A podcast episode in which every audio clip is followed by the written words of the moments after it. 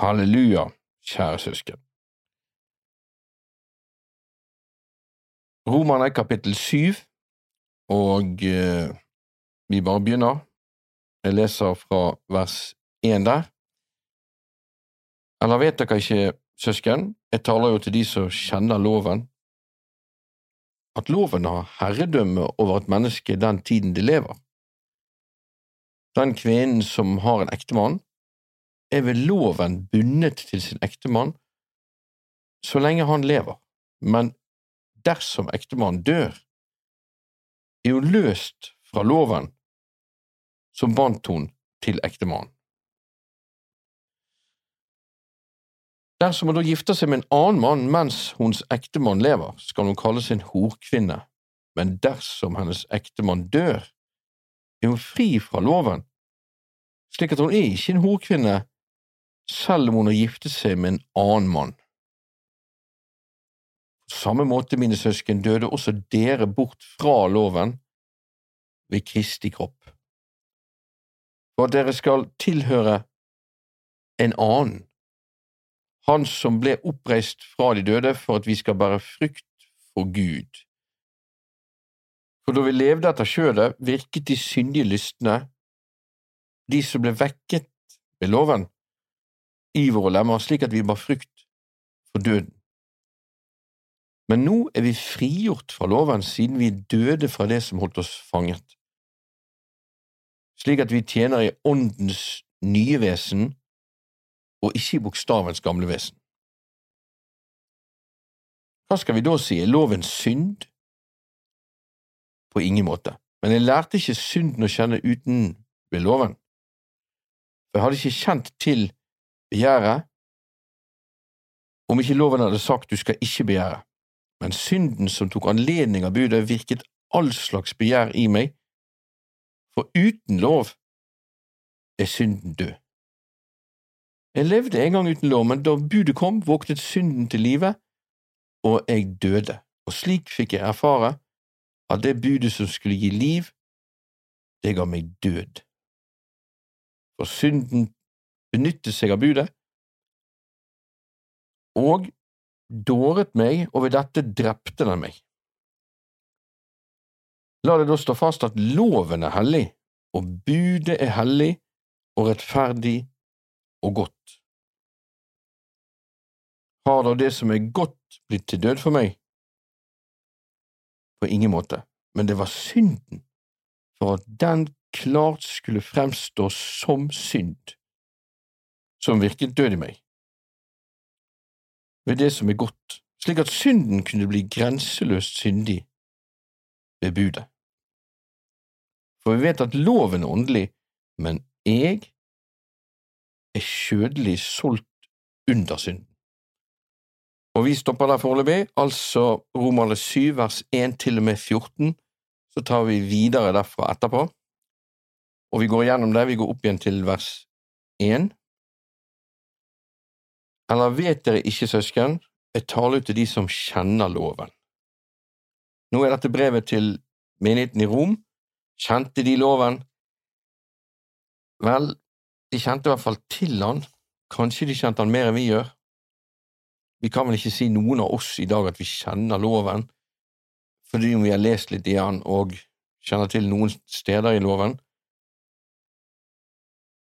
Og det var vel kanskje ikke så mange jøder heller som kjente spørs når i Israels historie, for det var jo en tid der foreldre underviste barna i loven fra de var bitte små, sant. Men likevel var det noen som skilte seg ut, for eksempel Paulus, han satt ved Gamaliels føtter fra han var liten, han var virkelig opplært i loven. Uansett, her skriver han til slike som kjenner loven, at loven har herredømme, eller vi kan si herske over, et menneske så lenge det mennesket lever. Og noe litt sånn Gud er klar til å gi oss mange hemmeligheter i det vi skal gjennom nå. Du kommer til å få flere hemmeligheter, skatter, og er du klar til å ta imot skatten? Ja. Hvis ikke hadde ikke du hørt på dette i det hele tatt. Hvis ikke hadde ikke Gud ledet deg til det. Det at han har ledet deg til å høre på det, det betyr at du er beregnet til å få disse skattene. Likevel vil du miste alt sammen om ikke du bruker tid på det sjøl. Om ikke du finner det i din bibel, grunner på det, og her er det en hemmelighet som jeg lærte ganske tidlig, at det er ikke om å gjøre å rekke igjennom. Og vi har ikke tid til det nå, som mange forkynnere sier. Vi ha, vi har tid til det nå, og vi tar oss tid til det nå, og hvert vers er en skatt. Derfor bruker jeg tid på hvert enkelt vers. For det er visse sannheter og prinsipper som vi lærer, og som vi må ha med oss videre for å forstå resten av det som kommer her. Eller vet dere ikke, søsken, jeg taler til de som kjenner loven, at loven har herredømme over et menneske så lenge det mennesket lever. Ja, hva er loven i bunn og grunn? I bunn og grunn er loven kjærlighet.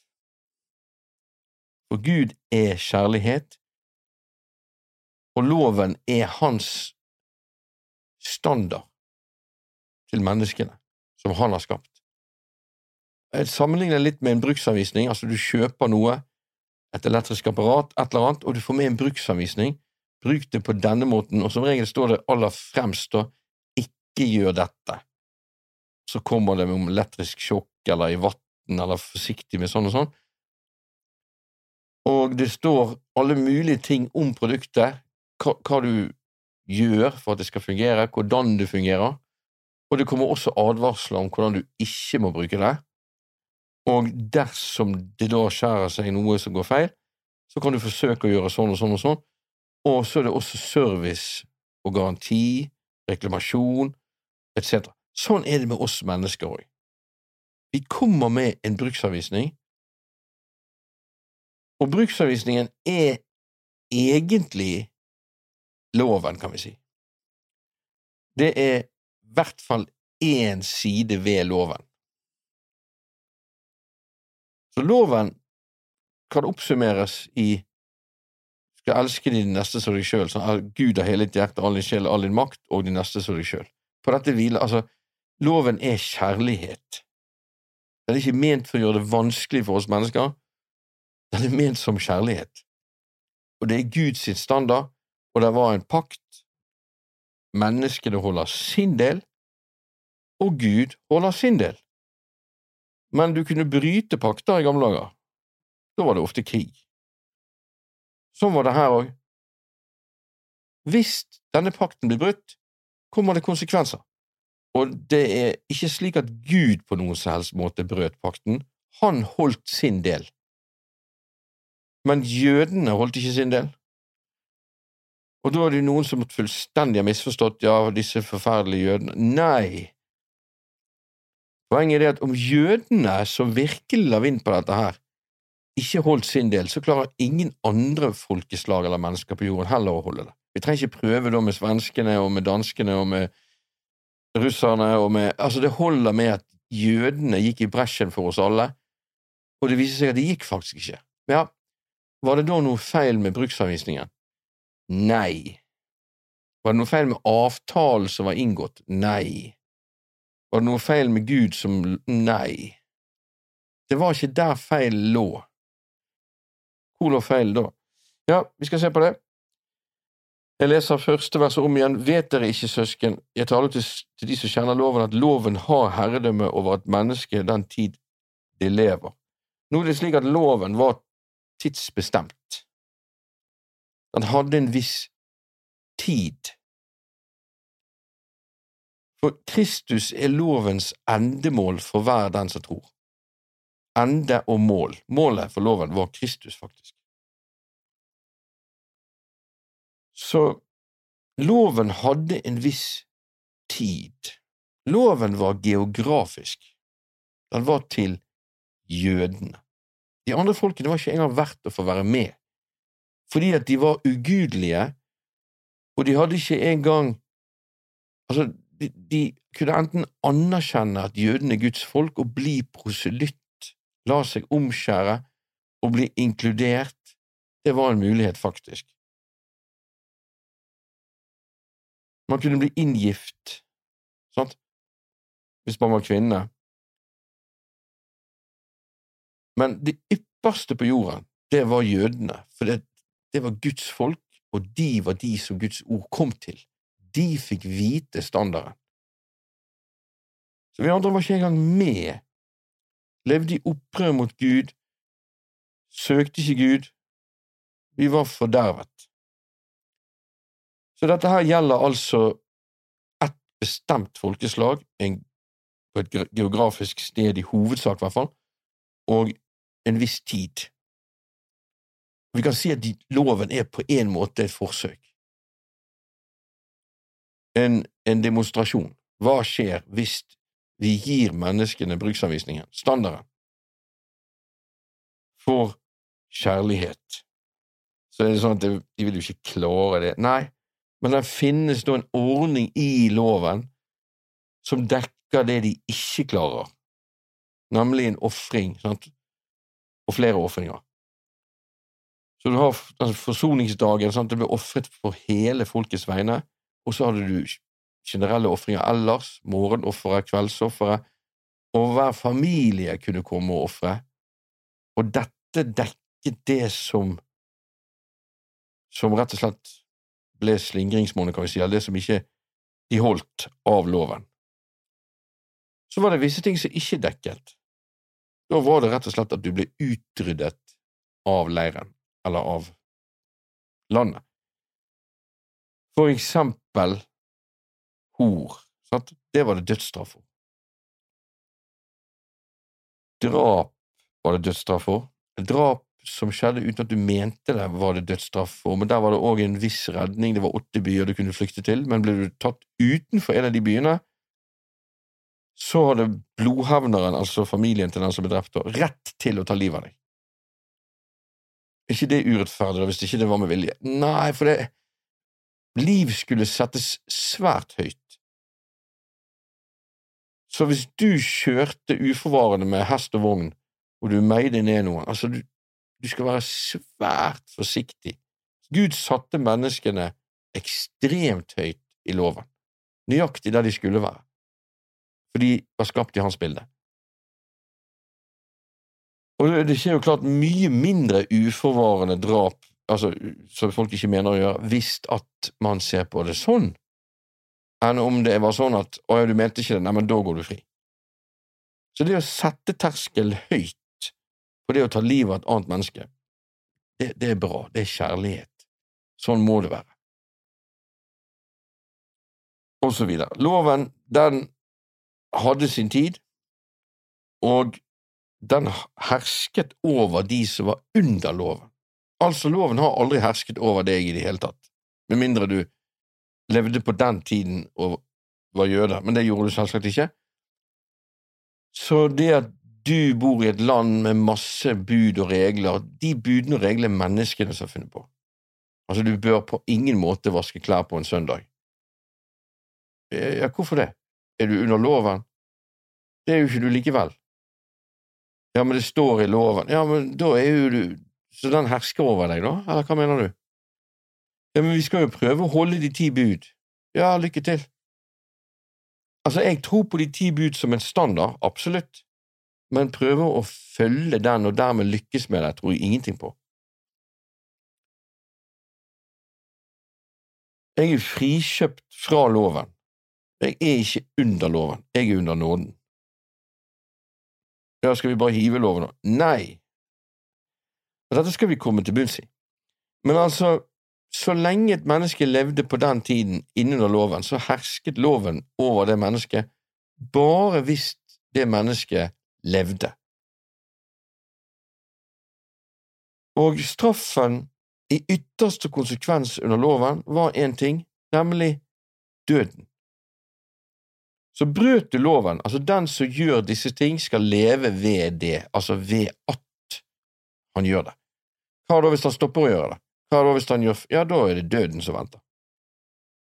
Med mindre det var innunder de tingene du kunne ta på ofringene, sant, at det dekket det. Men det var visse ting som Nei, da var det døden. Og jeg tror ofringene dekket det òg, men du fikk ikke leve lenger, i hvert fall. Grunnen til det var det at hvis Gud skulle leve blant sitt folk, nærmt de, i byen, i leiren, så måtte det være hellige folk. Hvis da en av de hadde gått i gang med noe forferdelige greier, ja, hva skjedde? Jo, det kom ondskap inn i leiren, og Gud merket det.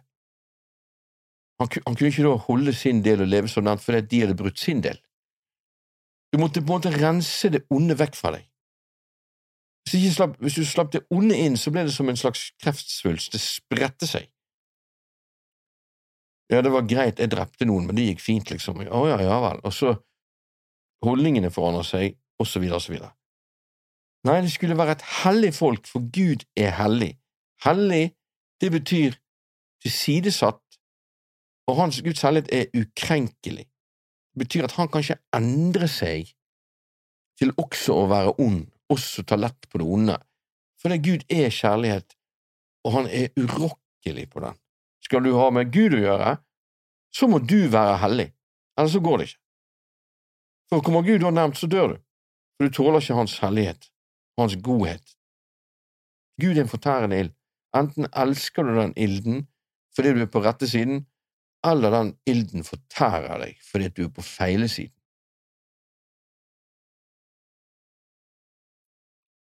Og vi er jo enige. Loven har herredømme over et menneske så lenge det mennesket lever. Når et menneske dør, da er jo på en måte ingen vits i det lenger, for loven er ment for hvordan leve på jorden. Sant? Så kommer det her i vers to, den kvinnen som har en ektemann, er ved loven bundet til sin ektemann så lenge han lever. Ja, da er det bud om ekteskap, sant? Men hvis ektemannen dør, er hun løst fra loven som bandt henne til ektemannen. Ja, den delen av loven som går på ekteskap, gjelder jo selvsagt da ikke mer, fordi et mann døde. Så du må på en måte oppfylle kriteriene som gjelder den delen av loven, for at den delen av loven skal gjelde deg. I Norge har vi ekteskapsloven. Den gjelder per i dag ikke meg, for jeg er singel. Men er du gift, så gjelder den deg. Du kan ikke gifte deg med en kvinne til, for eksempel. Hvis du gifter deg i dag når du er gift, så er det bigami, det er forbudt. Ferdig med den. Jeg kan gifte meg fordi at jeg er ikke bundet per i dag. Det er forskjellig lov til forskjellig situasjon. Og hun er jo klart da med en gang hun gifter seg, så kommer hun inn under den delen av loven som har med ekteskap å gjøre. Vers 3. Dersom hun da gifter seg med en annen mann mens hennes ektemann lever, skal hun kalle seg en horkvinne. Da får hun et stempel på seg, altså, og går innunder den kategorien, nemlig horkvinne. Men hvis hennes ektemann dør, er hun fri fra loven slik at hun ikke er en horkvinne, selv om hun har giftet seg med en annen mann. På samme måte, mine søsken, døde også dere bort fra loven ved Kristi kropp, for at dere skulle tilhøre en annen, han som ble oppreist fra de døde for at vi skal bære frukt for Gud. Ok, på samme måte står det her. Altså, vi kan løse dette her, for det, det viser seg at ingen klarer å holde loven heller, sant? Og det å komme under den tvangstrøyen, som er umulig, ja, hvorfor er det umulig? Ikke det bruksanvisningen, da, det må jo kunne fungere. Jo, det er jo du bygger produktet i fabrikken, og du sender ut en bruksanvisning med det. Men hva hvis da noen tukler med produktene etter fabrikken, slik at de ikke fungerer i henhold til bruksanvisningen. Og det er det, det er det det er snakk om her. Sånn.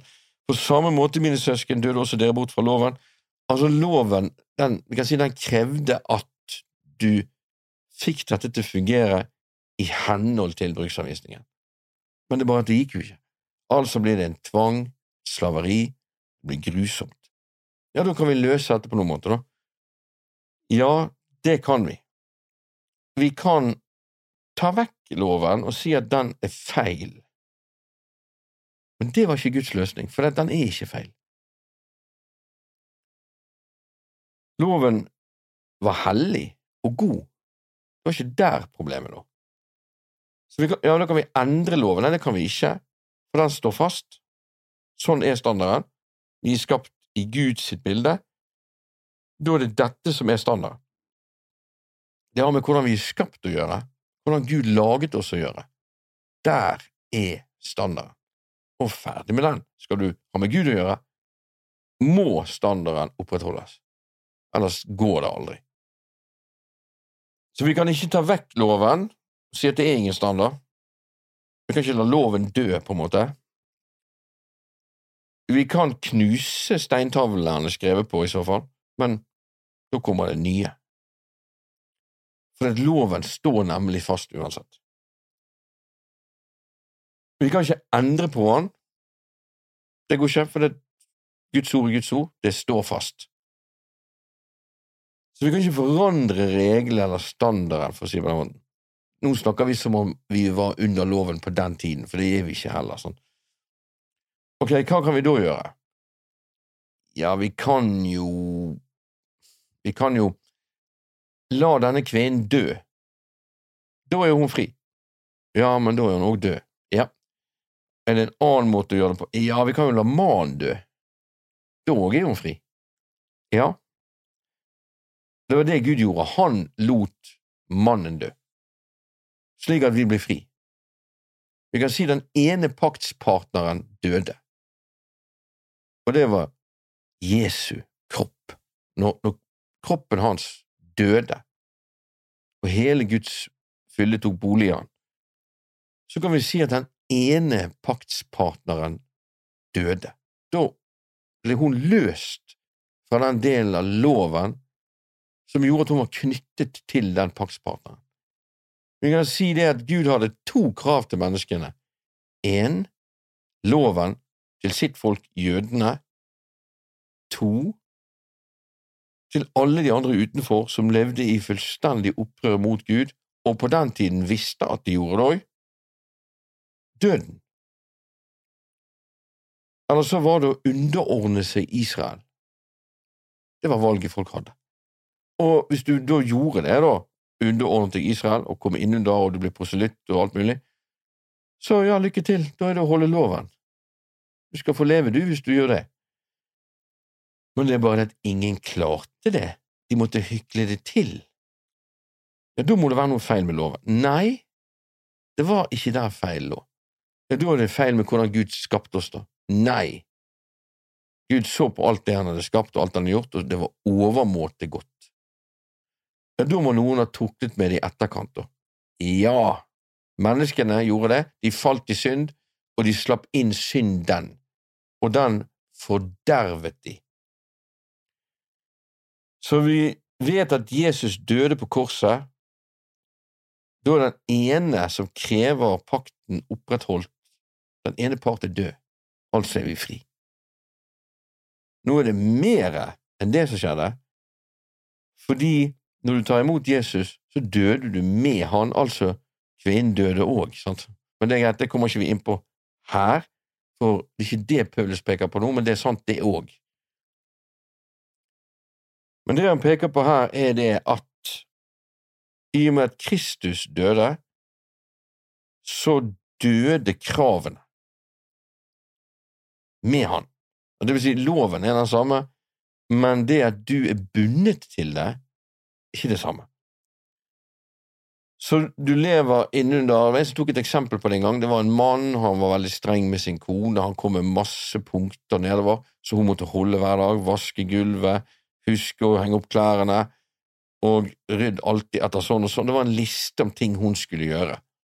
Og hun var jo gudfryktig og holdt alt og sånn og sånn og sånn og sånn, og levde ganske så stramt og strengt, og det var jo ikke alltid hun rakk alt, sant, hun prøvde noe så godt hun kunne, og at det i hvert fall så sånn ut. En dag dør mannen. Hun møter etter hvert en ny mann.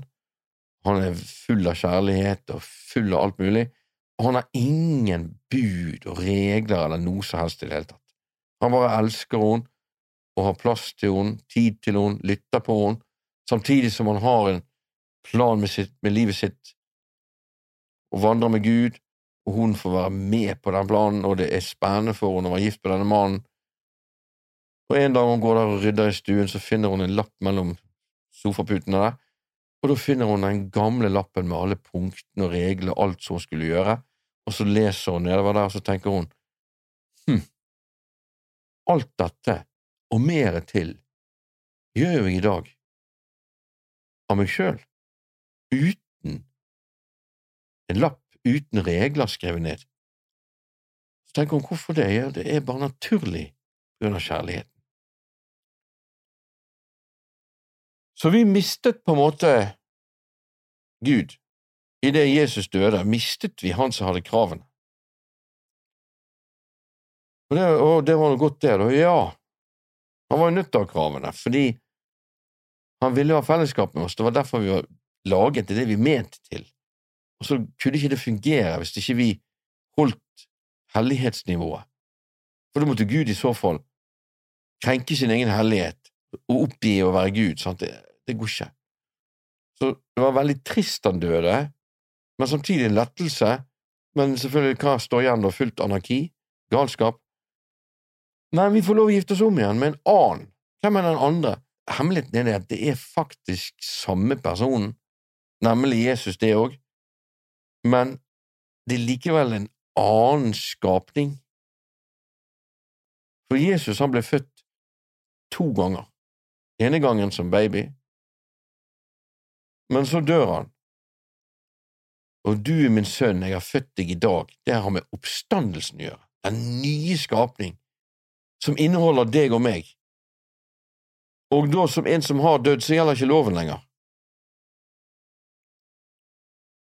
Så det som teller, er å være ny skapning, sier Bibelen. Det er rettesnoren. Ny natur, ny skapning, en hellig natur, det betyr at Gud tåler deg, og du tåler Gud òg, fordi du er i Kristus Jesus. Altså den største hemmeligheten, kanskje i alle brevene til Paulus, er nettopp de to ordene der – i Kristus. Utenfor Kristus galskap, anarki, og i hvert fall ikke loven, for det, lovens endemål kom jo, det var Jesus. Og hvis du absolutt skal likevel ro bakover til loven, så må du ro langt. For det første må du bli jøde, for det andre må du koble med de jødene som tror enda at det der er veien til Gud. Men du kan liksom godt ta en annen religion, for alle religioner handler jo om det samme, nemlig å streve opp til å bli god nok for Gud.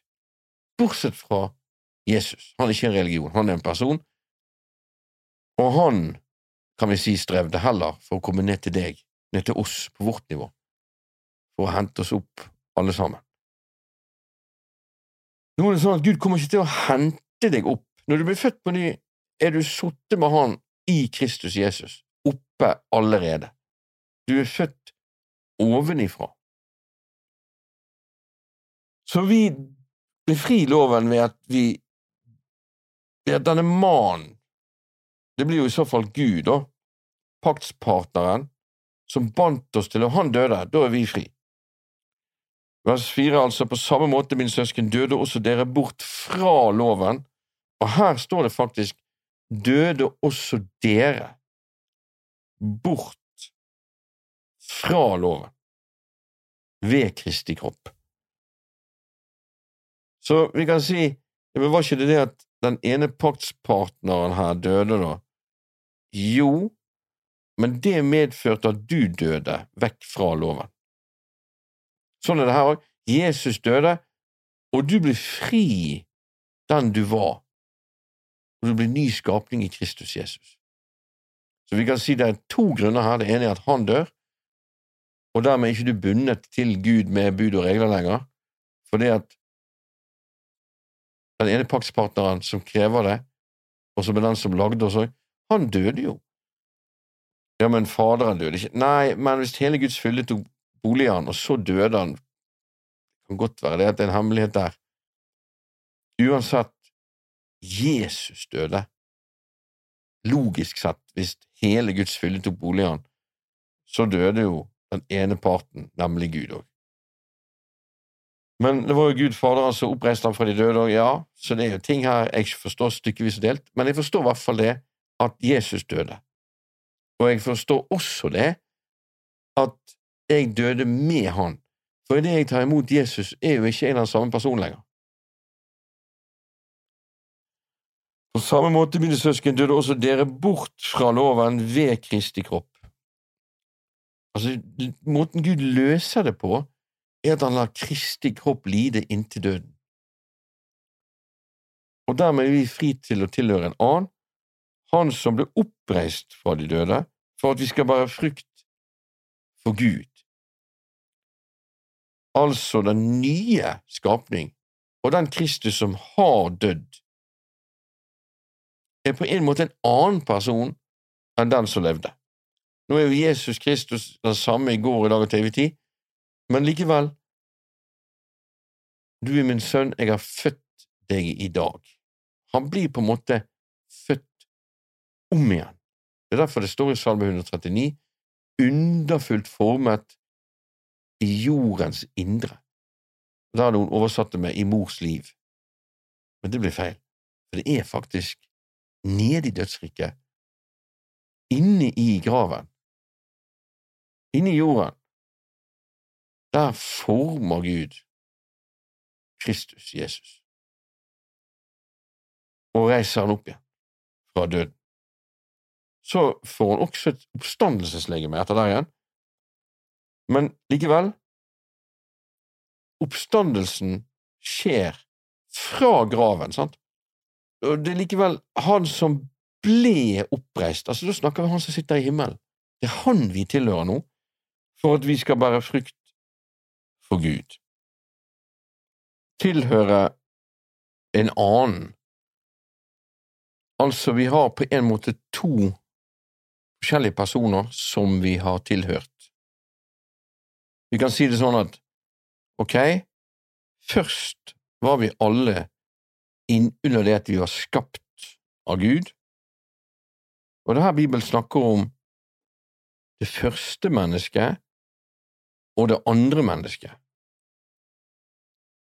Så vi tilhørte kategorien det første mennesket til vi ble frelst. Da kom vi inn i det andre mennesket. Det andre mennesket, det er i Kristus Jesus. Han besørget ordningen det andre mennesket. I Bibelen er han også kalt for den siste Adam. For Adam-ordningen har sitt opphør i og med Han. Så Adamslekten, når Jesus var på jorden, da tilhørte han òg Adamslekten. Ja, men er det ikke Adams slekt i dag òg, da? Jo, dessverre. For de som ikke er født på ny, så er det bare den ordningen de blir inntil de dør og aldri noen gang kommer til Gud. Men hvis du blir født på ny, da er det noe annet som skjer der. Da er Jesus den siste Adam, og Adam-ordningen er i og med han over for alltid. Og du er en ny skapning i Kristus Jesus, og da snakker vi om det andre mennesket, det annet mennesket. Altså det første, det var jo Adamslekten. Og her dør han. Og vi kan si det at løftene ligger i Kristus Jesus. Det er bare der at alle løftene er gyldige. Også når du er utvalgt og kalt før verdens grunnlag ble lagt, du er jo på en måte ikke det når ikke du er født på ny. Men i Kristus Jesus er du det. Altså Med en gang en tar imot Jesus, kommer han inn i den egentlige planen. Man kommer inn i det at man er utvalgt før verdens grunnlov ble lagt òg. Fordi vi kan si det at Gud egentlig kaller alle mennesker, og ønsker at alle mennesker skal bli frelst, sier Bibelen, komme til sannhetserkjennelse, og med en gang du kommer inn der, så er det allerede masse som er ferdiglagt for deg. Er, der er du planlagt, det er en mening med livet ditt, Gud kjente deg forut. Ja, men kjenner ikke han de andre forut som ikke er frelst, da? På en måte kan vi si jo, men nei, for de kommer ikke inn i hele pakken som de er ment til, til og med når det gjelder fremtid, og også når det gjelder fortid. Du kan si det at den egentlige, korrekte og rette fortiden deres ligger uaktivert til de tar imot Jesus. Her døde hele Adamslekten, og det gjelder i den nye skapning. Der, og bare der, er Adamslekten død. Så Gud kunne ikke ta livet av deg for å løse dette greiene her. For å få deg fri fra den her loven du var bundet til. Og når Romerbrevet 7 snakker om ekteskapsloven sant, når det gjaldt barn og kvinner, så er jo det en annen lov enn den vi var innunder innunder loven. Så vi er inne på i sted, vi er jo ikke innunder loven, vi var det ikke heller, men vi var innunder det å være menneske, og vi var innunder Adamslekten, og dermed også innunder det som er det ypperste for Adamslekten, der det overhodet fantes en sjanse i det hele tatt, nemlig loven. Men vi vet jo, det var jo ikke sjanse der heller. Var ikke det urettferdig av Gud å presentere de lovene når han visste det at dette her, her kan de ikke klare? Det eneste de kan gjøre, er å avsløre hvor dårlig det faktisk står til med dem. Nei, som det står i Bibelen, være langt fra Herren å gjøre noe urettferdig. Altså, det er langt ifra han til og med at han gjør noe som helst urettferdig. Og der vil jeg bare si sjøl at jeg forstår veldig lite av og til. Jeg opplever svært mye urettferdig som kristen, men jeg stoler på Gud. Jeg forstår stykkevis og delt, og jeg har jo det her bildet som noen har brukt, denne veven, at du ser den på baksiden, og det ser ikke ut, men når du kommer til himmelen og snur Gud veven, og så ser du det hele bildet, og da er det et nydelig vevd teppe, dette her. Sånn. Det er et bilde på det. Så for meg å gå med på at det, var, at det, er langt fra Gud å gjøre noe urettferdig, at han fins ikke Det har av og til skapt masse tøft, synes jeg sjøl, masse tid på kne, men det er noe med at han er Gud, jeg er ikke, og jeg forstår stykkevis og delt. Og når det gjelder Gamletestamentet og jødene, det var ikke urettferdig for han å gi de Guds ord, det var en velsignelse til de. Det står òg det at evangeliet ble forsynt for dem like som for oss. Det betyr at var du jøde under loven, og du kom til kort, og det gjorde du hvis du var ærlig. Alle som var ærlige, måtte erkjenne jeg kommer til kort. Det betyr at du ble tvunget til å begynne å søke Gud, noe, noe Gud ville faktisk at du skulle gjøre. Og var du oppriktig der, så ville han begynne å åpenbare hemmeligheter for deg. Og det, det ser vi eksempel på flere i Gammeltestamentet. De så Jesus. De så offeret hva det handlet om egentlig. Abraham til og med, han så min dag og gledet seg til den, og du ser også i Salmenes bok med David, det er så mye åpenbaring om det som skal skje om Jesus og hva det innebærer, at det er nesten helt skremmende å lese det. For det er på en måte Om du aldri hadde fått forkynt evangeliet og bare leste David, så kan du likevel se omtrent alt om Jesus og det det handler om. Når Gud gjør ikke forskjell på folk, så var du oppriktig på den tiden, så så du plutselig at det der lammet er bildet på noen, og det melet er bildet på noen. Og de sølvstykkene, sant, hva er det bildet på som planken i tabernakelet skulle stå på? Og du måtte ha åpenbaring, akkurat som vi må i dag. Gud kunne begynne å vise det. Hvorfor er det karmosinrød ull og blåaktig ull forskjellige lag med ull tepper rundt det aller helligste, altså rundt tabernaklet. Hvorfor ligger det og hvorfor er det viktig med de fargene? Alt dette her finnes det åpenbaring i. Så nei, det var ikke urettferdig for Gud å skjenke de loven. Den vitner, sier Bibelen, om Kristus, og det gjør han på mange måter. Hele loven, i små detaljer, er det stadig vekk åpenbaring om Jesus. Nå er det sånn at eh, i Adamslekten, det ypperste som kunne skje med deg, det var at du var jøde, og du hadde fått loven. Ok, men ikke for at du skulle klare å følge den, for det visste Gud at du ikke kom til å klare likevel, men ved at Gud skjenket, vi kan si, menneskeheten direkte og indirekte, da, loven, så fikk vi anledning til å se hvor gale det faktisk sto til med oss. Samtidig så er det jo òg interessant for Gud å faktisk gi menneskene standarden. Dette er standarden, og resten viser hvor langt ifra dere har kommet. Men altså, løsningen til Gud var ikke å endre standarden, løsningen til Gud var heller ikke å la deg dø.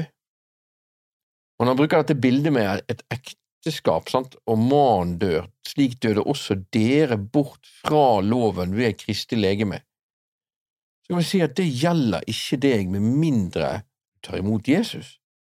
Da først er det du plutselig blitt enke, men samtidig er gift. Vi er jo ikke gift, sånn, vi, skal, vi er trolovet med Kristus, men samtidig har fått en ny mann, da kan vi si. Og den enketilstanden din kommer ikke du inn i med mindre du tar imot Jesus der og da. Oi, da har det skjedd en død. Da er den du tror på, en som har vært død. Han representerte den siste Adam, og du får del i det, da representerer du òg den siste Adam i han. Fordi at du ble korsfestet med han, du døde med han, du ble begravet med han, men så oppstår jo han til et nytt liv, det er der det annet menneske kommer inn. Ja, da er du òg kommet inn i det andre mennesket, det andre mennesket. Og det er du. Det er det som er å være født på ny. Og igjen, altså, det som teller, er å være ny skapning, sier Bibelen. Halleluja! Nå er vi ny skapning. Vi tilhører Han, og vi er ikke lenger bundet til loven slik vi var tidligere innunder den første Adam. Ok, vi går videre til teksten. Vers 5. For da vi levde etter kjødet, det betyr etter hva du føler, hva du tenker, hva du vil, hva du velger, virket de syndige lystne, de som ble vekket ved loven, i våre lemmer, slik at vi bar frukt for døden. Det betyr at du produserer noe hele tiden, nemlig død, mens nå bærer vi frukt for Gud hvis vi tilhører Han, som det står i verset over.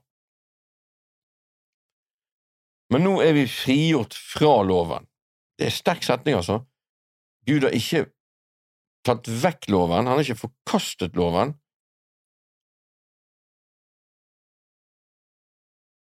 Jesus kom ikke for å forkaste loven, men for å fullføre loven. Men nå er vi frigjort fra loven siden vi er døde fra det som holdt oss fanget, slik at vi tjener i åndens nye vesen og ikke i bokstavens gamle vesen bokstavens gamle vesen, du leser det, og du må holde det.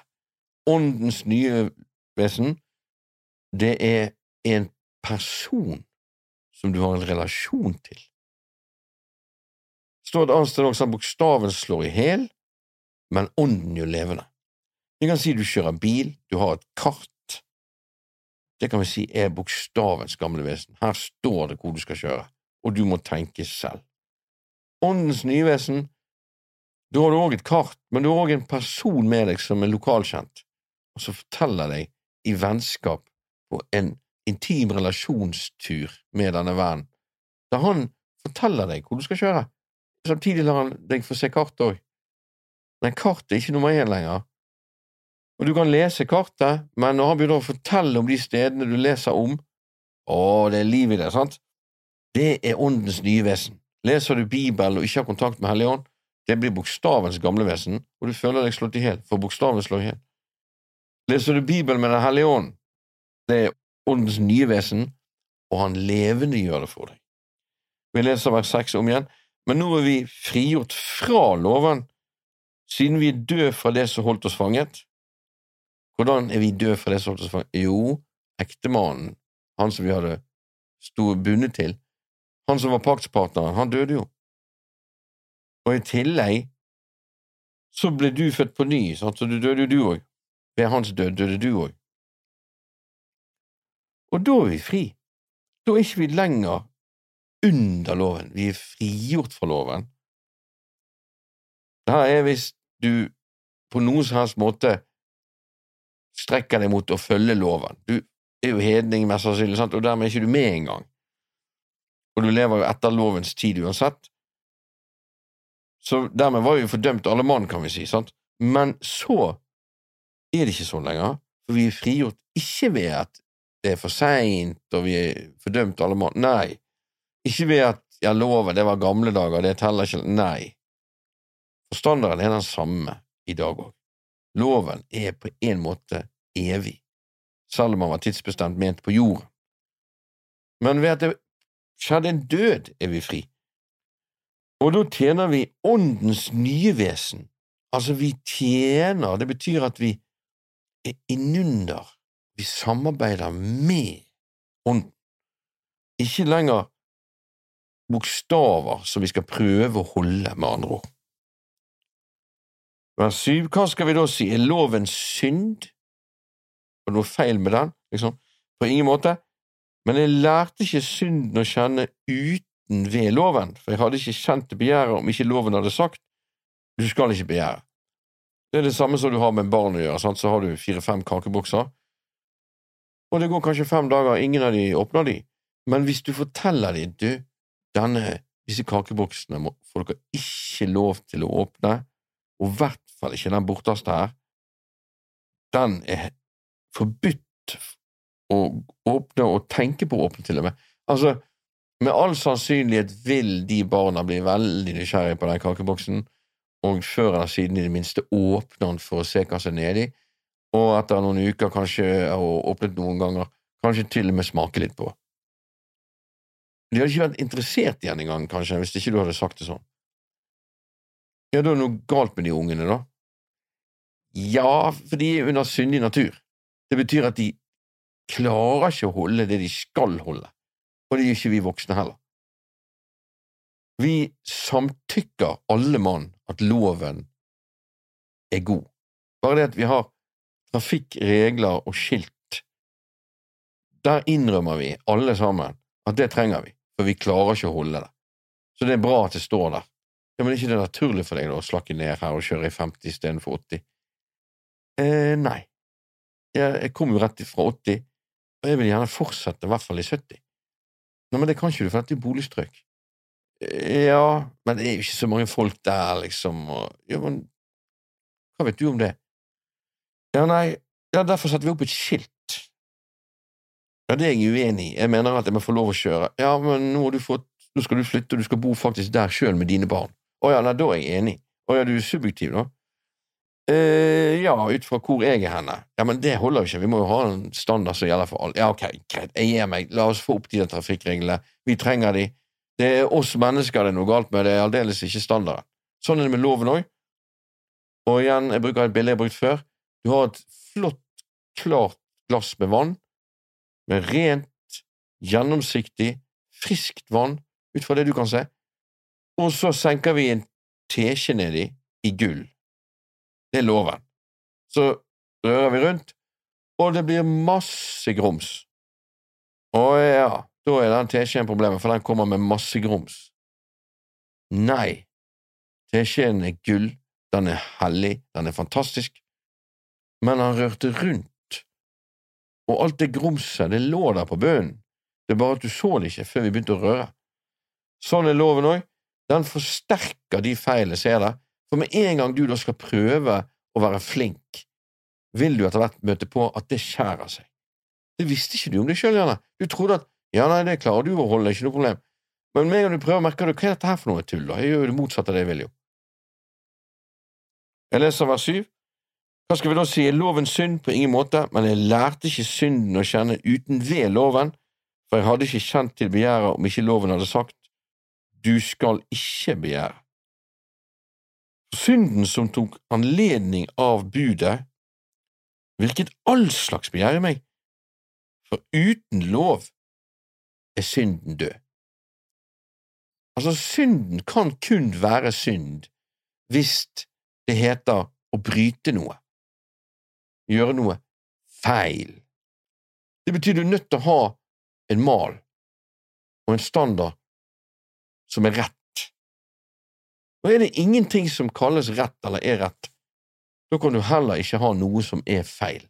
Alt som heter feil, er nødvendigvis nødt til å måles ut fra noe som er rett. Det hadde ikke fantes falske penger om det ikke var ekte penger. Det hadde ikke vært noe poeng.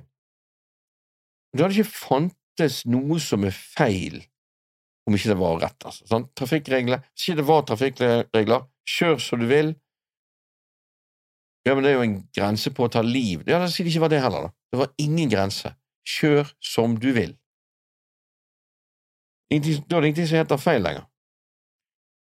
Så her står det jo i slutten av vers 7, for jeg hadde ikke kjent begjæret om ikke loven hadde sagt du skal ikke begjære. Men synden som tok anledning av budet, virket all slags begjær i meg, for uten lov er synden død. Ja, uten loven er det ingen synd. Men vi ser jo her at det var ikke loven som vekket all slags begjær i han.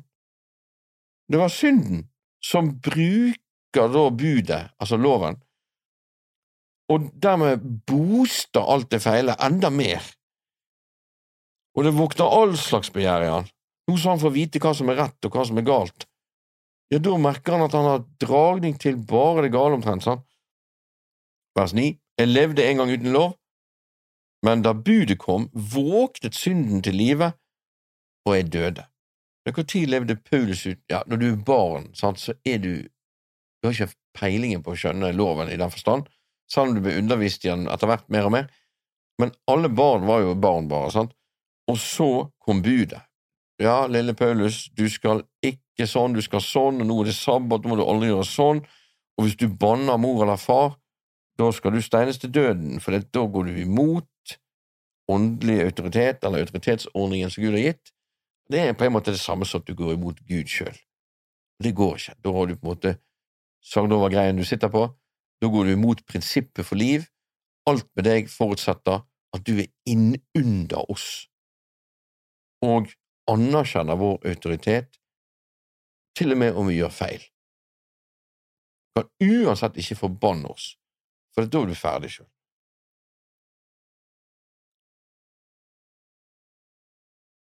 Ja, betyr det at dermed lille Paulus, eller Saulus som han het på den tiden, han kjente aldri på noe som helst opprør mot foreldrene inni sitt vakre, fine hjerte. Sikkert han kjente på det ene og det andre. Du skulle ikke lyge. Ja, altså, jo mer menneskene ble utsatt for standarden, jo verre merket de at det var inni de, sant? Men da budet kom, våknet synden til live, og jeg døde. Hvorfor døde? Jo, fordi at han visste jo inni seg at han egentlig hadde brutt det ene og det andre budene, og at standarden til Gud var da døden, at syndens lønn er døden. Og du er allerede forbi, Paulus, og menneskene får kanskje ikke vite det, men Gud vet det jo. Du er på en måte ferdig allerede. Mange under loven visste det med seg sjøl. Og slik fikk jeg erfare at budet, altså fra loven, sant, befalingene, kan vi si, du skal, du skal ikke, som skulle gi liv, de ga meg død. For synden tok anledning, altså brukte budet, og bedro meg, og ved dette drepte den meg. La det da stå fast at loven er hellig, og budet er hellig og rettferdig og godt. Altså, det er ingenting galt med Moseloven. Den er både hellig, den er rettferdig, og den er til og med god. Og den er i henhold til at Gud er kjærlighet, og i henhold til hvordan han skapte menneskene opprinnelig. Men hvis menneskene har mistet posisjonen sin, falt ifra Gud, blitt fordervet i sin natur, og du så utsetter de for denne loven og reglene og standarden, som er hellig, rettferdig og god, ja, da koker det opp all slags greier oppi de, som de ikke engang visste kanskje var der. Så det ser så fint ut, dette glasset med vann. Mange mennesker de ser veldig gode ut og fornuftige og flott karakter. Altså, hvorfor er de kristne idioter, er det mange ufrelste som lurer på. De virker som idioter alle sammen, og det er mange frelste som lurer på det samme, faktisk. Men det er jo ikke det at de er det. Ja, de kristne er sånn, og de kristne er sånn. De kristne er egentlig bare helt make til alle de andre, det er bare det at nå er de født på ny, og de må baske med ting de ikke visste eksisterte, og de må kjenne etter for å få kontakt med ånden inni seg, som igjen er Den hellige ånd, sant, som bor der, og da kommer det frem de rareste ting. De rareste greiene kommer frem, og når de havner inn i skjødekamp og ikke skjød… Altså, dette er mye lettere for hedningene å te seg, de som ikke er født på ny, for de har ikke den kampen. De tar ikke med at de skal ha med dimensjonen det åndelige. Men putt de som frelst, og la de baske med å finne forskjell på skjødet og ånden, la de baske med loviskhet og religiøsitet kontra det å ha levende liv med Gud, de blir ikke noe bedre, de heller. For det, det vil være det vi kaller barnesykdommer da òg. Så ja, de kristne er sånn og sånn, ja, det er bare vent, du blir født på ny sjøl, du, lykke til, så skal du få se at det kommer de rareste ting frem fra deg òg. Og når du skal begynne å kjenne etter hjertet, noe du ikke er vant til i det hele tatt, og så skal du gjøre det for der er Gud, da vil du merke andre ting i hjertet ditt òg. Umodenhet, barnslighet, tåpelighet, misunnelse, alt mulig greier som du før bare feide av, liksom. Mens nå må du faktisk ned forbi sjelslivet og kjenne etter i ånden hva det går i. Du òg. Og da vil du merke de mest tåpeligste ting du òg. Du kan finne deg i fosterstilling, sulte på tommel etter du har ropt på Gud, og du kan være Det er mye rart. Det er mye rart. Men det er på en måte noe som Gud har tatt med, han forstår det, at du leter og du søker å finne, og underveis skjer det mye rart òg, og du faller innimellom. Gud forstår det. Så nei, de kristne er ikke idioter. Menneskene, derimot, totalt sett falt ifra Gud, og de rareste ting tyter ut av de dersom du i dag stiller de opp mot standarden, bruksanvisningen, kjærlighetskravene, kriteriene, loven, som jo er hellig, rettferdig og god. Problemet er at du ikke er det lenger. Du er ikke rettferdig, hellig og god lenger, selv om du har innbilt deg det. Og vær så god, prøv å følge loven, så merker du fort det. Fordi du falt ifra Gud. Ja, men hvis du er født på ny, nå, Ja, da er noe annet. Da er du død fra hele prinsippet. Du skal ikke da prøve å holde loven. Da skal du ha åndens nye vesen, relasjon med Den hellige ånd, vandre med Han. Da vil det bli kjærlighet uansett, og du hopper på en måte høyere enn loven. Ikke ved at du er flink og holder ting, for det, det er ikke du i stand til likevel. Du kan ikke ivareta kunnskap om godt og ondt og, og gjøre det rettferdig, det vil ikke du klare, for du er ikke Gud. Tenk hvis lille Tom på syv år skulle stå for rett og galt for familien. Nei, det gjør pappa og mamma. Han skal kunne slappe av, han og bare være med. Sånn er det med deg òg, du er umyndiggjort i så henseende. Og Gud sier bare vær med meg, følg meg, jeg ordner resten. Og jeg kan love deg, du kommer ikke til å lyge, du kommer ikke til å stjele, og så videre. Men ikke fordi du skal nå forvalte og holde de regler og budene med ditt hode, Nei, stol på Herren av hele ditt hjerte, sett ikke lit til ditt vett. For din bedømmelsesevne er ikke så fantastisk som du tror han er. Du må ha kobling med ånden. Så mange som drives av Guds ånd, de er Guds barn. Du kan ikke drives av ånden hvis ikke du venter på at du merker han. Hvis jeg skal drives av deg, ja, da må jeg vente til du kommer, og så må jeg faktisk følge etter deg. Det må enhver kristen gjøre, han må vente om morgenen til han merker ånden. Og så må han ha fellesskap, og så må han følge etter ånden. Løper du foran, så er det samme som at du er på han igjen. Men ok, vers tolv, la det da stå fast at loven er hellig, og budet, altså befalingene i hennes loven, er hellig og rettferdig og god. Har da det som er godt blitt til død for meg. Altså har loven blitt døden min, da, på en måte? På ingen måte, men det var synden. Det var ikke loven i seg sjøl som tok livet av deg. Det var synden, for at den klart skulle fremstå som synd, som virket død i meg ved det som er godt. Altså, putter du godt sammen med ondt, så vil det onde benytte seg av det og gjøre det enda mer ondt. Altså, synden. Vi kan si den tuklingen med menneskets ordning, så Gud skapte det godt, sant, men nemlig synden, den. Men det var synden for at den klart skulle fremstå som synd som virket død i meg ved det som er godt, slik at synden kunne bli grenseløst syndig ved budet. Altså, med, med mer standard menneskene blir satt overfor, jo verre blir det. Og sånn ser vi jo også, sant. Synden på jorden bare blir sterkere og sterkere og sterkere, for det kommer mer og mer og mer regler og standard på ting. Selv om de reglene og standardene ikke er loven, men ting som menneskene sjøl lager. De er ikke engang i stand til å holde det de sjøl lager engang. Så gale er det med dem. For vi vet at loven er åndelig, men jeg er kjødelig, solgt under synd. Så loven er hellig og god, og den er til og med åndelig, men du i deg sjøl er ikke det. Du er solgt, du, allerede, som en slave under synden. Ja, det her var jo før du var født på ny, sant? Nei! Du er solgt som slave under synden.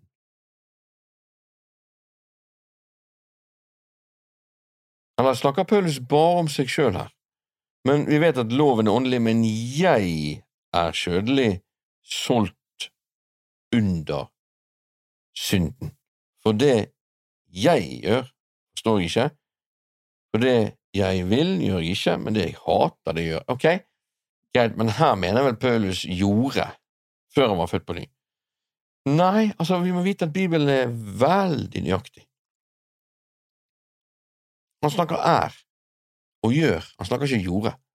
Ja, men det er vel det han mener. Nei, Bibelen er aldri sånn ergo er det det Gud mener. Nå putter du inn ergo i Bibelen, så sliter du. Ta det nøyaktig sånn som det står, ta ordet på ordet. Vi vet at loven er åndelig, men jeg er kjødelig, solgt under synden, for det jeg gjør, forstår jeg ikke, for det jeg vil, det gjør jeg ikke, men det jeg hater, det gjør jeg, og hvis jeg da gjør det jeg ikke vil, samtykker jeg med loven, ja, den er god. Ja, det var vel det vi var inne på i sted. Altså, hvis ikke du klarer å holde en gang trafikkreglene, som du jo er enig i, til og med, men likevel holder ikke du det, ja, da må vi ha opp skilt, og vi må ha regel, ja, enig. Da er du enig i at trafikkregler er god. Da er du samtykke til de, da, hvis du gjør det du sjøl ikke vil, egentlig. Ja, da må vi ha regler for det, da. Ja. Ja, da er de reglene gode, da hvis du gjør det du ikke vil. Ja, det er de. Så hvis jeg da gjør det jeg ikke vil, samtykker jeg med loven, ja, den er god. Men nå er det ikke lenger jeg som gjør det, men synden som bor i meg. Å ja, det høres ut som den dårligste bortforklaringen jeg har hørt noensinne. Det var ikke meg. Du kjører for fort, politiet tar deg. Nei, beklager, politiet, det var ikke meg. Det var synden som bor i meg. Å ja, for jeg vet at i meg, det vil si i mitt kjød, bor det ikke noe godt, for viljen har jeg, men å gjennomføre det gode kan jeg ikke. Kan ikke. Du klarer det vel av og til? Nei, kan ikke, står det her. For det gode jeg vil, det gjør jeg ikke, men det onde jeg ikke vil, det gjør jeg. Hvis jeg da gjør det jeg ikke vil, det er ikke lenger jeg som gjør det, men synden som bor i meg. Det høres altså ut som bortforklaring igjen, da. Altså, med en gang du gjør noe du ikke vil, ja, da er ikke det deg, da er det synden som bor i deg. Ok. Jeg erfarer da den loven i meg sjøl, jeg som vil gjøre det gode, at det onde ligger meg for hånden. For jeg fryder meg i Guds lov etter det indre mennesket, Men jeg ser en annen lov i lemmene mine, den ligger i strid med loven som er i mitt sinn, og tar meg til fange under syndens lov som er i lemmene mine. Og jeg, elendige menneske, hvem skal fri meg ut fra denne, denne dødens kropp? Jeg takker Gud ved Jesus Kristus vår Herre. Så tjener jeg da Guds lov med mitt sinn, men syndens lov med mitt kjøtt. Ok, dette er jo interessant, for han definerer nemlig Jeg sa i sted at det er jo Paulus i dag, altså på den tiden når han snakket. Det er han, det er ikke det, det var han, i vers 14 altså. Jeg er kjødelig, solgt under synden, for det jeg gjør, forstår sånn, det er greit. Og så kommer det her, vers 18, for jeg vet at i meg, det vil si mitt kjød, ok, så det er det faktisk han i nuet han mener, men han mener han i seg sjøl. Som jo egentlig å ja, det gamle mennesket Nei, for det gamle mennesket er jo død. Det må i så fall være bare skjødet. Identitet i skjødet, altså, jeg kaller jo skjødet for en mental løgnetilstand, for det er ikke en egen person lenger, fordi at den det var, den gamle, han er jo død. Så hemmeligheten til Romerne 7 ligger mye i å lese det sånn som det står, altså. Nå skal jeg lese det på en måte som gjør at vi ser det tydeligere. Vers 14 For vi vet at loven er åndelig, men jeg er kjødelig, solgt under synden. For det jeg gjør, forstår jeg ikke, for det jeg vil, det gjør jeg ikke, men det jeg hater, det gjør jeg. Hvis jeg da gjør det jeg ikke vil, samtykker jeg med loven i at den er god. Men nå er det ikke lenger jeg som gjør det, men synden som bor i meg, for jeg vet at i meg, det vil si mitt kjød, bor det ikke noe godt, for viljen har jeg, men å gjennomføre det gode kan jeg ikke. For det gode jeg vil, gjør jeg ikke, men det onde jeg ikke vil, det gjør jeg. Hvis jeg gjør det jeg ikke vil, da er det ikke lenger jeg som gjør det, men synden som bor i meg. Jeg erfarer den, den lov i meg selv, jeg som vil gjøre det gode, at det onde ligger meg for hånden. For jeg fryder meg i Guds lov etter det indre mennesket, men jeg ser en annen lov i lemmene mine, den ligger i strid med loven i mitt sinn og tar meg til fange under syndens lov som er i mine lemmer. Og jeg, elendig menneske, hvem skal fri meg fra det? Altså, her handler det intet om den nye skapning i Kristus Jesus. Det er jeg, jeg, meg, meg, jeg, meg, jeg, og jeg prøver, og jeg vil gjøre det gode, og jeg vil ikke gjøre det onde, og jeg vil, og jeg klarer ikke, og jeg Det er kjødet, med andre ord. Tilstanden i kjødet er slik som det står her, og det var det på den tiden, og det er det i dag òg. Så hele Romerne 7 fra 14 i hvert fall og utover, er bare kjøtt, alt sammen. Vi leser det igjen, for vi vet at loven er åndelig, vers 14 altså, men jeg er kjødelig solgt under synden, for det jeg gjør, forstår jeg ikke. For det jeg vil, det gjør jeg ikke, men det jeg hater, det gjør jeg. Hvis jeg da gjør det jeg ikke vil, gir jo loven medhold i at den er god, men nå er det ikke lenger jeg som gjør det, men synden som bor i meg. For jeg vet at i meg, det vil si mitt kjøtt, bor det ikke noe godt. For viljen har jeg, men å gjennomføre det gode kan jeg ikke. For det gode vil, det gjør jeg ikke, men det onde jeg ikke vil, det gjør jeg. Og hvis jeg gjør da det jeg ikke vil, så er det ikke lenger jeg som gjør det, men synden som bor i meg. Jeg erfarer da den loven i meg sjøl, jeg som vil gjøre det gode, at det onde ligger meg for hånden. Og så kommer den grunnen til at jeg slet tidligere med å forstå Romerne 7, for jeg trodde nemlig det, at i vers 22, der kommer endelig Gud på banen. For jeg fryder meg i Guds lov etter det indre Altså, for jeg fryder meg i Guds lov etter det indre mennesket. Men jeg ser en annen lov i lemmene mine, den som den ligger i strid med loven i sinnet mitt, og tar meg til fange under syndens lov som er i lemmene mine. Å ja, men da vinner ikke Gud, da. Sånn tenkte jeg før, da. For det var en annen lov sterkere i vers 23, og den vinner. Og jeg, elendig menneske, hvem skal fri meg fra denne dødens kropp? Jeg takker Gud ved Jesus Kristus vår Herre.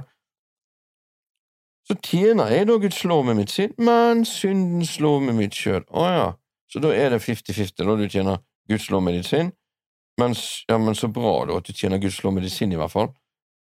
Nei, ikke bra i det hele tatt, fordi at med du tjener syndens lov med ditt kjød, ja vel, og putter vi de to sammen, ja, da er vi tilbake igjen til det verset her, vers 22 og 23.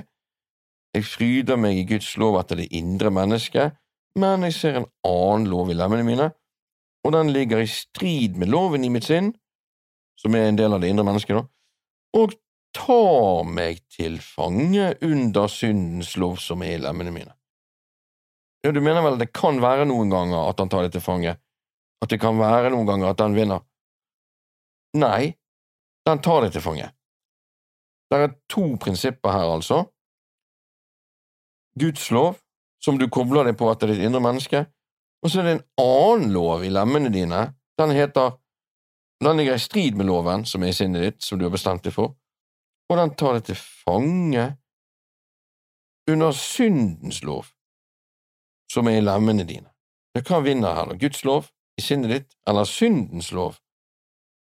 Ja, det står jo her, vers 23 at du blir faktisk tatt til fange under syndens lov som er i lemmene dine. Den er sterkere. Ja, da er du ferdig, da. Ja, jeg er elendig menneske, hvem skal fri meg ut fra den dødens kropp? Jeg takker Gud ved Jesus Kristus vår Herre, ok, det er et håp der, da, men ja, så hva er tilstanden? Jo, han tjener Guds lov med sitt sinn, men syndens lov med sitt kjød?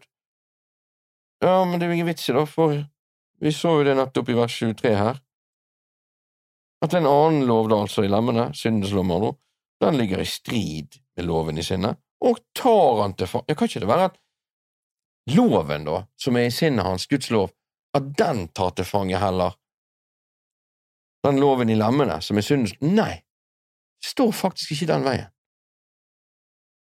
Og dette sleit jeg med, vet du. Men en dag var jeg såpass heldig, da, at jeg spurte Gud, og han svarte meg.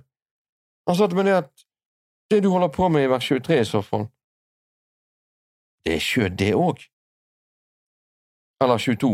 Kjød, det òg. Om du fryder deg i Guds lov med sinnet ditt, så må ikke du innbille deg at det er å vandre i den nye skapning, eller vandre etter ånden. Nei, det er du, det, som fryder deg over Guds lov og velger å koble deg på Guds lov. Det er kjødelig, det òg. Det er den kristelige, i så fall, i beste fall, i verste fall, siden av kjødet ditt, som velger å gjøre godt, som velger å koble på Gud, som velger å fryde deg over loven og prøve å følge den. Hva så om du gjør det? Du gjør det etter ditt indre menneske, til og med. Ja, lykke til, men det har ingenting med å vandre etter ånden å gjøre. Det har ingenting med å vandre som ny skapning å gjøre. Det er du, det, som fryder deg i Guds lov, etter det indre mennesket ditt, hva skjer? Jo, du ser en annen lov i lemmene dine, du òg, akkurat som Paulus gjorde, og den ligger faktisk i strid, med loven som du nå har i sinnet ditt, og den tar deg til fange, den, uansett hva du har i sinnet ditt av gode ting. Så er syndens lov sterkere, den modellen fungerer ikke, du ender opp med at du kjenner på at du er et elendig menneske, hvem skal fri deg ut fra denne dødens kroppen? Jo, du kan takke Gud òg, ved Jesus Kristus for Herre. Så er altså tilstanden samme, så tjener jeg da Guds lov med mitt sinn, ja, lykke til, det er kjødelig i så fall, men syndens lov med mitt kjød. Og hvilken av de to var det som vant igjen? Jo, det var den siste. Så uansett hvor mye du bestemmer deg for i ditt indre, fryde deg i Guds lov og følge den så godt du kan, eller være kristen, sant, du har jo kristne som er kristne etter sitt eget hode, og prøver å gjøre godhet og snillhet og følge Bibel ut fra hva de sjøl tenker. Men det blir bare et eneste stort hykleri. Det går ikke. Det har ingenting med å følge ånden å gjøre, som du er kalt til hvis du er født på ny. Men hvor er løsningen da, da? Løsningen har Gud ordnet. Den står i neste vers, kapittel åtte, vers én. Derfor er det da ingen fordømmelse for de som er i Kristus Jesus. Da er ikke det jeg og hva jeg prøver, og hva jeg slutter meg til, og hva jeg ditt og hva jeg datt, og den slemme siden av kjødet og den snille, kristelige siden av kjødet. Det er kjød begge deler. Nei, her er det nyskapning. Og der er det ingen fordømmelse for de som er der, som er i Kristus Jesus. De som ikke vandrer etter kjødet, men etter ånden. Altså, de vandrer ikke etter kjødet på den slemme måten, at det onde følger dem og gir blaffen, heller ikke på den snille måten at de prøver å gjøre godt, og de prøver å koble på Gud, ved at de sjøl prøver å gjøre gode ting og være kristne og ta sunne kristne beslutninger. Nei, i Kristus Jesus handler det ikke om det, alt det der er skjød. Det handler om relasjon. Følge ånden i relasjon. Altså, om du etter ditt indre menneske fryder deg over Guds lov og velger å følge det, så er det igjen bokstavens gamle vesen. Og dessverre, per i dag har vi mye sånn kristendom òg. Og du merker det, for det at du merker det på den måten at det er ikke kjærlighet. Det er Guds ord, men det er ikke kjærlighet. Det er djevelens kopi. Han klarer å kopiere alt, ser det ut som, bortsett fra én ting – kjærligheten. Du kan ta ham på det, at jo da, alt stemmer, men hvor er kjærligheten? Der kan du avsløre det. For det kan se helt likt ut, det kan være de samme bibelversene, men det kan være noen som ut fra sitt eget hode syntes at det var lurt å si akkurat de versene der og da. Men det er ikke liv i det, for det er ikke Guds rema. Og sånn sett har vi to sider av kjødet. Sånn. Vi har den som gir blaffen, han som gjør, prøver å gjøre det gode, men det onde ligger han for hånden, og det onde han ikke vil, det gjør han. Det betyr han gir blaffen. Og det er på en måte begge deler. For han, etter sitt indre slutter han med glede til loven til Gud og prøver å koble på Det kan godt være det ikke loven til, men det kan godt være det Nytestamentet, der han prøver å slutte seg til rett og galt i brevene til Paulus, for eksempel. Og han klarer det så fint, så fint, men det har en skyggeside. Han blir svært dømmende gjerne mot de som ikke Altså, det er alltid en pendel på den der. Alltid. Så jo mer bra det ser ut Som regel er det sånn jo flinkere folk er, jo mer dømmende er de mot andre. Altså mangler kjærligheten. Vi leser det en gang til forfra, så får vi sammenhengen. Men før vi gjør det, la oss bare slå det fast at lever du som at du gjenkjenner deg i Romerne 7, så er det et veldig, veldig dårlig tegn. Det er ikke en trøst at ja, sånn hadde Paulus det òg. Nei, Paulus beskriver hvordan han hadde det i seg selv, uavhengig av Kristus, etter han var født på ny, og det er likt for alle. Men det er ikke sånn at dette er ment for at ja, det er noe normalt at det er sånn det er. Nei, dette er hvordan det er når du vandrer etter skjødet. Og da skjer gjerne det sånn som vi leste det nå. Hvis de gjør det, det er et dårlig tegn. Sånn ser det ut når du vandrer etter skjødet. Det er Romerne syv. Slik ser skjødet ut. Og det er jo sånn, sår du i skjødet, skal du høste etter skjødet, sånn. Høste død, står det. Sår du i ånden, skal du høste i ånden. Så opplever du kristelivet sånn, så er det forståelig, for det er nemlig sånn det er etter skjødet, men det er ikke noe du kan leve med, det er ikke noe du bør slappe av med. Altså, Da må du jobbe, da må du faktisk på kne gjøre deg umak for å komme inn i troens hvile, som det står om i Hebreerne kapittel fire, og vandre etter ånden. Klart er du nyfrelst og første tiden, så tar det en stund før du merker forskjellen, men Gud forventer på ingen som helst måte at du skal operere etter kjødet etter du er født på ny. Han forventer selvsagt at du vandrer med Han i den nye skapningen, i relasjon. Og han lar deg stresse på i kjødet om du vil det. Det lengste du kommer, er det som du leser i Roman 7. Men hva er vitsen når du allerede er i Roman 8? Vi leser kapittel 7, vers 1. Eller vet dere ikke, søsken, jeg taler til de som kjenner loven, at loven har herredømme over et menneske så lenge det lever. Den kvinnen som har en ektemann, er ved loven bundet til sin ektemann så lenge han lever, men dersom ektemannen dør, er hun løst fra loven som bandt hun til ektemannen. Hvis hun nå gifter seg med en annen mann mens mannen hennes lever, skal hun kalles en horkvinne, men dersom mannen hennes dør, er hun fri fra loven, slik at hun er ikke en horkvinne selv om hun gifter seg med en annen mann.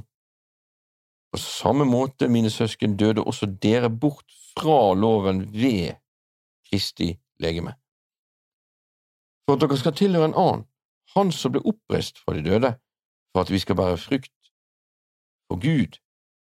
For da vi levde etter kjødet, virket de syndige lystne, de som ble vekket ved loven, i våre lemmer, slik at vi bar frykt for døden. Men nå er vi frigjort fra loven, siden vi er døde fra det som holdt oss fanget, slik at vi tjener i åndens nye vesen, ikke i bokstavens gamle vesen. Hva skal vi da si er lovens synd? På ingen måte, men jeg lærte ikke synden å kjenne uten ved loven, for jeg hadde ikke kjent til begjæret om ikke loven hadde sagt du skal ikke begjære. Men synden som tok anledning av budet, virket all slags begjær i meg, for uten lov er synden død. Jeg levde en gang uten lov, men da budet kom, våknet synden til live, og jeg døde. Og slik fikk jeg erfare at det budet som skulle gi liv, det ga meg død. For synden benyttet seg av budet og bedro meg, og ved dette drepte den meg. La det stå fast at loven er hellig, og budet er hellig, rettferdig og godt.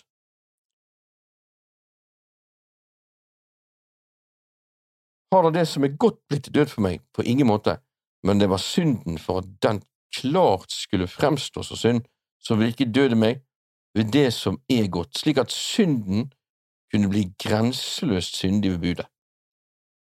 For vi vet at loven er åndelig, men jeg er kjødelig, solgt under synden, for det jeg gjør, forstår jeg ikke, for det jeg vil, det gjør jeg ikke, men det jeg hater, det gjør jeg. Hvis jeg da gjør det jeg ikke vil, samtykker jeg jo med loven at den er god, men nå er ikke det lenger jeg som gjør det, men synden som bor i meg. For jeg vet at i meg, det vil si mitt kjød, bor det ikke noe godt, for viljen har jeg, men å gjennomføre det gode klarer jeg ikke. For det gode jeg vil, det gjør jeg ikke, men det onde jeg ikke vil, det gjør jeg. Hvis jeg gjør det jeg ikke vil, da er ikke det lenger jeg som gjør det, men synden som bor i meg.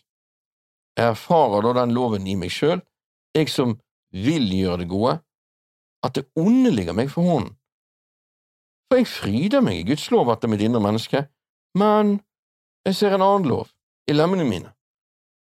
Den ligger i strid med loven i mitt sinn, og tar meg til fange under syndens lov, som er i lemmene mine. Og jeg er elendige menneske, hvem skal fri meg ut fra denne dødens kropp? Jeg takker Gud ved Jesus Kristus vår Herre så tjener jeg da Guds lov med mitt sinn, men syndens lov med mitt kjøtt.